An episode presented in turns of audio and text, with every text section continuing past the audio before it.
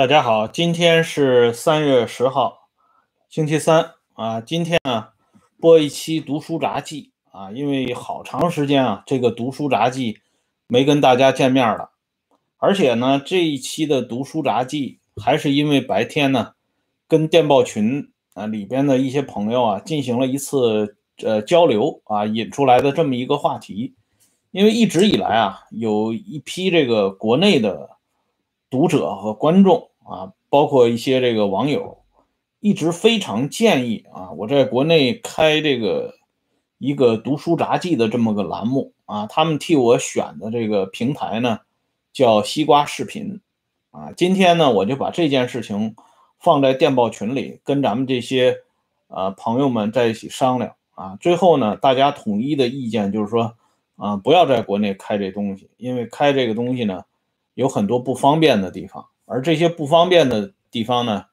呃，就是地球人都知道啊，这样呢，这件事儿就放一放啊。于是呢，我就想起来啊，这个有很多朋友，应该是真的有很多朋友，他们对这个读书杂记、对历史的兴趣啊，一点都不低于对党史的兴趣啊。今天甚至在电报群里边有一个朋友，他跟我讲啊，他说你哪怕啊，你开一个会员频道。我就是交钱，我也愿意听这个读书杂记。我真的还挺感谢咱们这位朋友的啊！一直以来就是有一大批这样的朋友们啊，这么辛辛苦苦的支持咱们这个小节目，让我这个历史票友呢能够一直走到今天，跟大家不断的有新的东西在交流。那么今天就借这个机会，把咱们之前一直断断续续。没有说完的关于戊戌变法的一个侧面，这个连续的小系列呢，今天再给它接上。要再不接上的话，我估计很多人可能都已经忘了。那么今天讲的这个话题呢，就跟袁世凯有直接的关系。袁世凯与李莲英他们之间的过招。这个话题啊，其实也是咱们电报群里很多朋友啊一直点名希望听到的，啊，很多这朋友对袁世凯袁大总统一直特别感兴趣。要说我这个电报群里的这些朋友啊，挺够意思的啊。前天吧，我这个电脑上边呢有一个不懂的地方啊，我发了个通知，我说谁能帮我啊弄一下？很多朋友马上就给我这个。伸出援助之手啊！虽然呢，后来还是我这个自己啊操作上不得当啊，最终呢又换了台电脑。但是这件事儿啊，我到现在我都非常感谢咱们电报群里的这些朋友，特别的热心肠啊。那么今天呢，咱们讲另外一个热心肠的袁世凯袁大总统啊。这袁大总统怎么想起来跟李总管？李莲英过招呢？这个话题呢，就是源自于著名的辫子军的统领啊，人称辫帅的张勋。张勋呢，他是不是袁世凯小站练兵的嫡系？但他曾经一度啊，划归袁世凯来管理。所以他呢也算是袁世凯这个山头里的，算是部下。而西太后和光绪皇帝因为这个义和团的事情，咱们都知道啊，辛丑条约闹腾结束之后，他们千里迢迢从西安回到北京。袁世凯呢要表达自己对两宫的啊这种热爱之情。专门就派这个张勋到池州去接驾。张勋那个时候啊，已经是总兵官了，这职务不低了，五二品啊，可以戴这红顶子了。这张勋，我们上次节目里边专门给大家介绍过，这张勋不得了啊！这张勋巴结这个慈禧太后的账房。啊，就是总会计师马斌廷，那是很有一套的。而这个马斌廷的力度，我也给大家介绍过。连咱们这个袁世凯袁大总统都要礼让三分。这一次啊，张勋到池州接驾，张勋知道啊，这任务啊，光荣而艰巨。光荣就在于他能够第一次接近中央最高层领导同志。第二呢，这个艰巨呢，就体现在如果把老太太没伺候明白，那极有可能这半生的前程就断送了。而这里边呢，最关键的一点啊，就是老太太身边的主要工作人员。就是大总管李莲英啊，这张勋啊，在应对这方面可以讲是游刃有余。他手下当时只有三千五百人，这辫子兵到老太太跟前，张勋先找人把他和李莲英之间的关系疏通好了，直接上银子。啊，老百姓话讲，这黑眼珠见不得白银子。这李莲英一看银子到位了，这什么都好商量。于是呢，他也给张勋有一个回报。他告诉张勋两条：第一呢，老太太就爱听鼓舞人心的好消息啊；第二条呢，老太太。第二天要到什么地方去？我会提前跟张统领打个招呼。啊，张勋一听这个，千恩万谢呀。就这么着啊，张勋在慈禧太后面前，那是取得了非常重要的信任。老太太呀，对这个张勋呢，那是百般的夸奖。因为从这个西安到北京这一路上，虽然呢照顾的都很周到，可是像张勋这样的啊，可以说是毫无遗漏、毫无纰漏的，真的非常之少啊。老太太人还没有到下一站，张勋的人马已经远远的站在那里啊，站岗、警卫、迎接。欢迎等等啊，这一系列的工作做的是天衣无缝、滴水不漏。所以呢，慈禧太后赏给张勋四川提督衔啊，就是相当于兵团级干部了。哎，这张勋呢，从此就开始步入跟这高层啊。开始有了直接的接触，而且老太太还格外赏了张勋一个封号“硕勇巴图鲁”。啊，我们知道这清朝呢，对这个武将经常要赏赐勇号啊，就是英勇的勇字啊，要加这个什么壮勇巴图鲁啊、忠勇巴图鲁啊，或者是骁勇巴图鲁啊。这勇号呢？原本是非常稀罕物啊，就像那花翎顶戴上边的那个孔雀翎子似的，不是随随便便什么人都能够拿到的。可是随着大清朝的这个逐渐的没落啊，这永号呢也不值钱了。尽管是不值钱，可是张勋头上的这个硕勇巴图禄，那是老太太亲手赏给他的，所以他的这个。巴图鲁就比别人的巴图鲁值钱，哎，张勋由此啊对这个西太后呢感念不忘。后来他复辟呀，啊，复辟的时候，他专门给老太太去磕过头啊，给这个那拉氏专门去磕过头。这起因呢，就都在当年池州接驾里边了。而且张勋这个人啊。特别的能会来事儿啊！他这个人啊，他不仅把这个李莲英伺候的非常好，他把这那拉氏身边的其他的这些啊形形色色的工作人员都啊给安抚的特别的到位。这些人呢，闲着没事儿的时候，就在西太后面前夸这个张勋啊，这张勋也特别的，用今天的话讲啊，特别的会来事儿啊，特别的会装。老太太上万寿山啊散步，散散心。张勋呢，也是全副武装的，跟在老太太身边然后呢，打一个灯笼，打一个什么样的灯笼呢？这灯笼上面呢，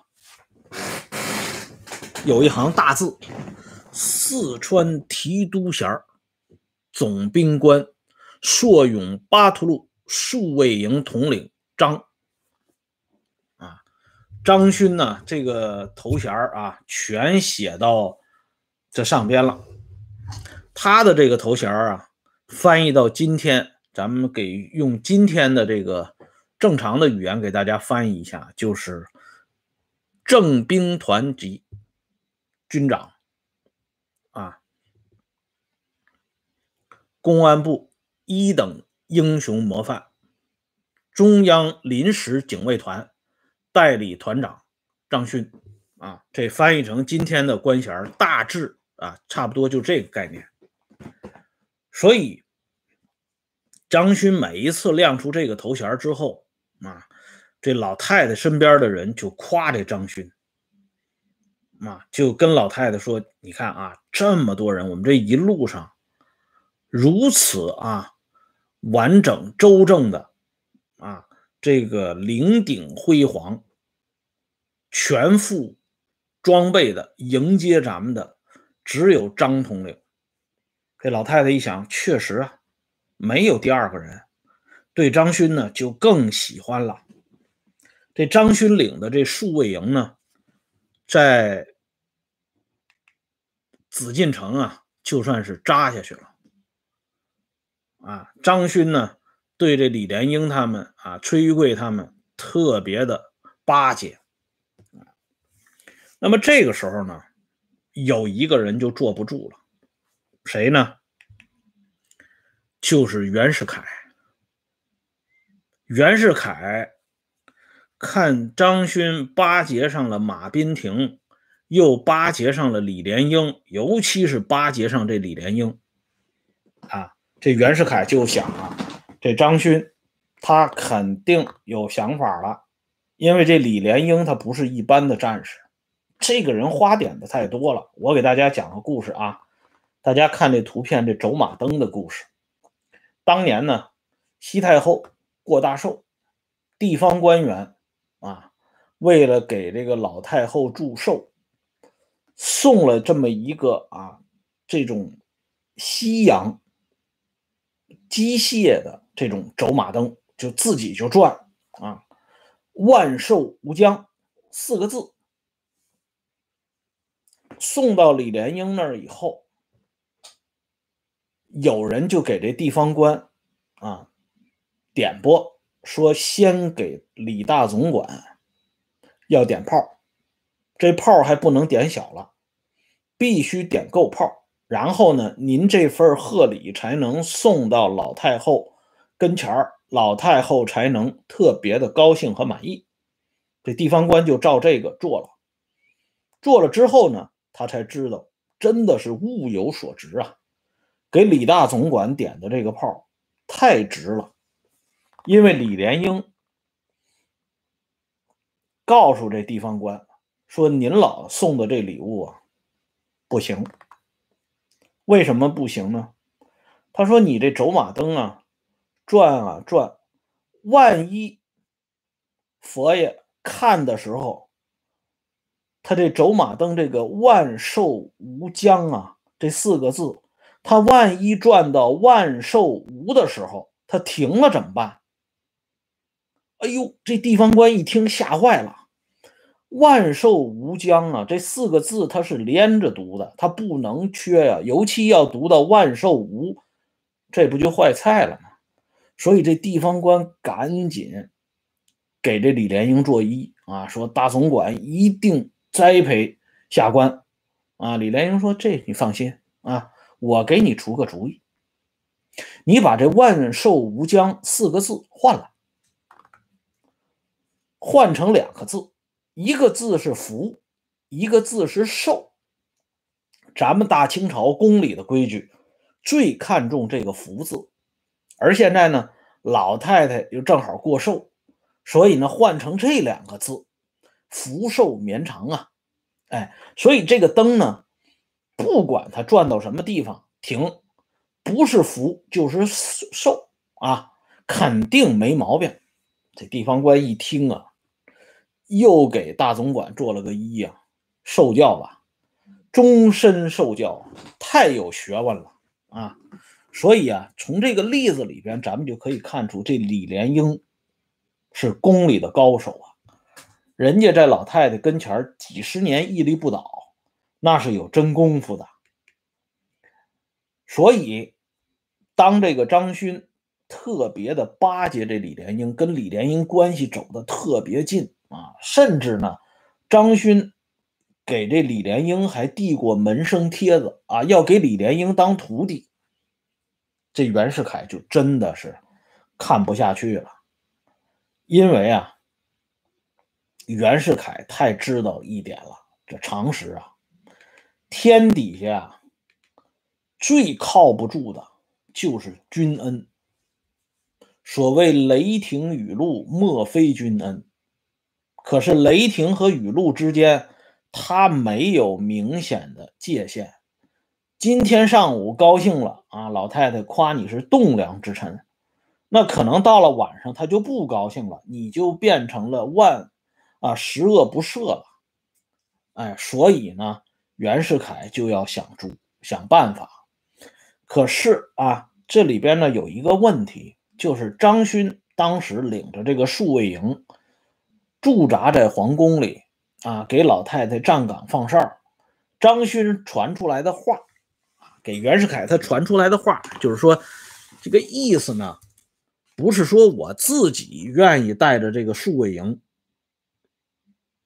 在宫里头驻扎啊，是李大总管传出佛爷的话啊，让我驻扎在这宫里。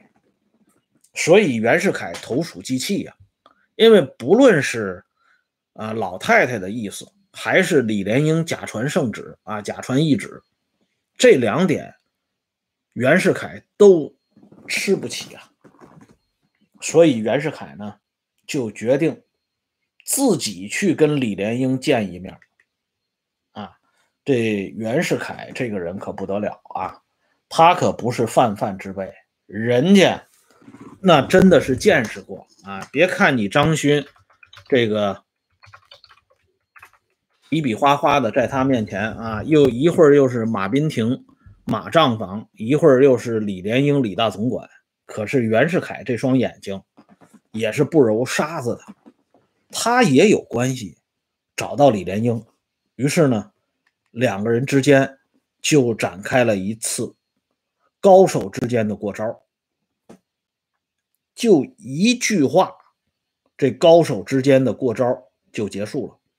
袁世凯的目的达到了，李莲英的目的也达到了。因为在李莲英看来啊，当时这荣禄呢身体不行了。这北方的江臣领袖极有可能就是袁世凯。袁世凯守着直隶总督和北洋大臣这个位置啊，就北洋大臣这个位置，每年的进项那就是海了去了。如果袁世凯露露手，这李莲英一年的脚骨就都出来了。哎，与其呢花开多家，那不如专吃一家。所以李莲英也有心跟这个袁世凯呢结交，袁世凯想巴结李莲英，那就更不用说了。这两个人呢谈话，历史上记记载呢是这么一句话：袁世凯说，如今京师安定了，我想把数位营调出去啊，您老看怎么样呢？因为袁世凯一方面不愿意。张勋独邀天宠，另外一方面就是我刚才说的，袁世凯对这个君恩语录他是有深刻的认识。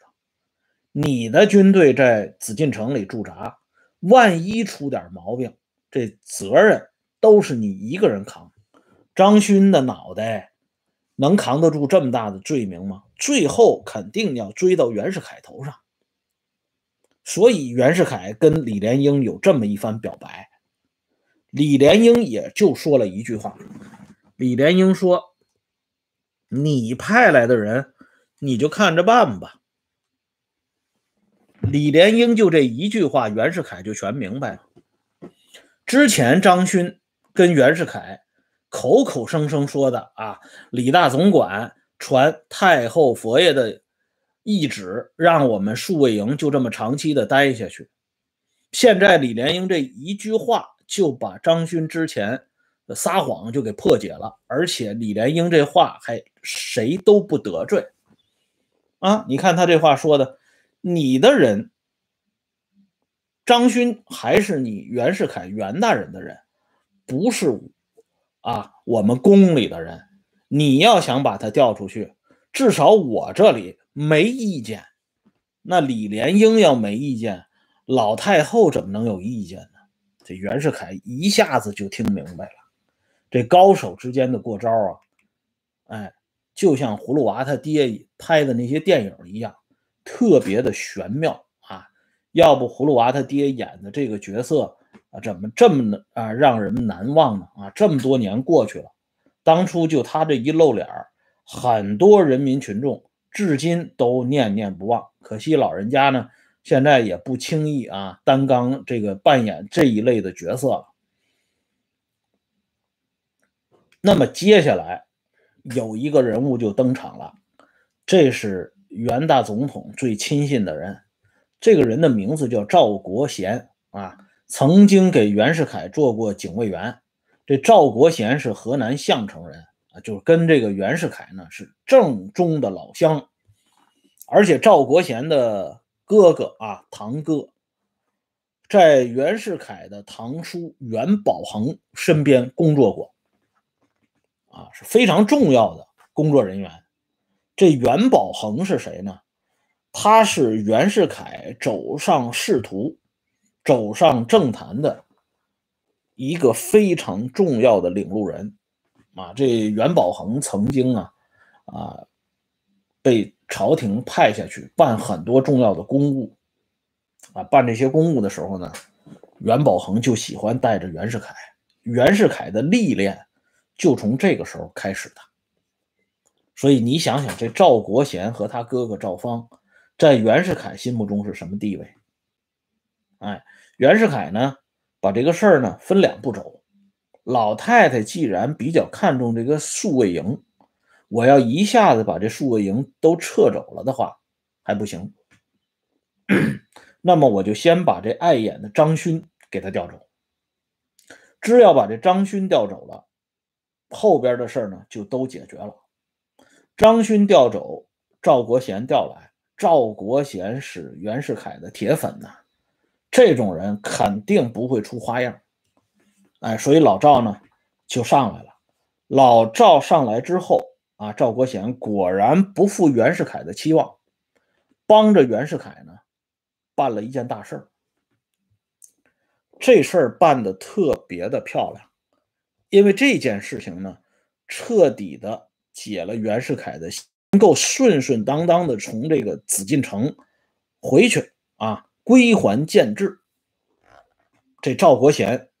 就替主子袁世凯想了一个绝招啊！因为能把数卫营调离紫禁城的，既不是袁世凯，也不是大总管李莲英，只有老太太那拉氏，只有那拉氏亲口说出这个话，这数位营呢才能撤出来。那怎么能让老太太亲口说出这番话呢？这功劳全在赵国贤身上。啊，具体呢，咱们留在下一次讲啊。今天的读书杂记呢，咱们就先说到这里。感谢朋友们上来支持和收看。回头我们找时间把这读书杂记呢，早一点给它续上啊，免得大家呢一直惦记它。好了，今天呢，咱们就说到这里，再见。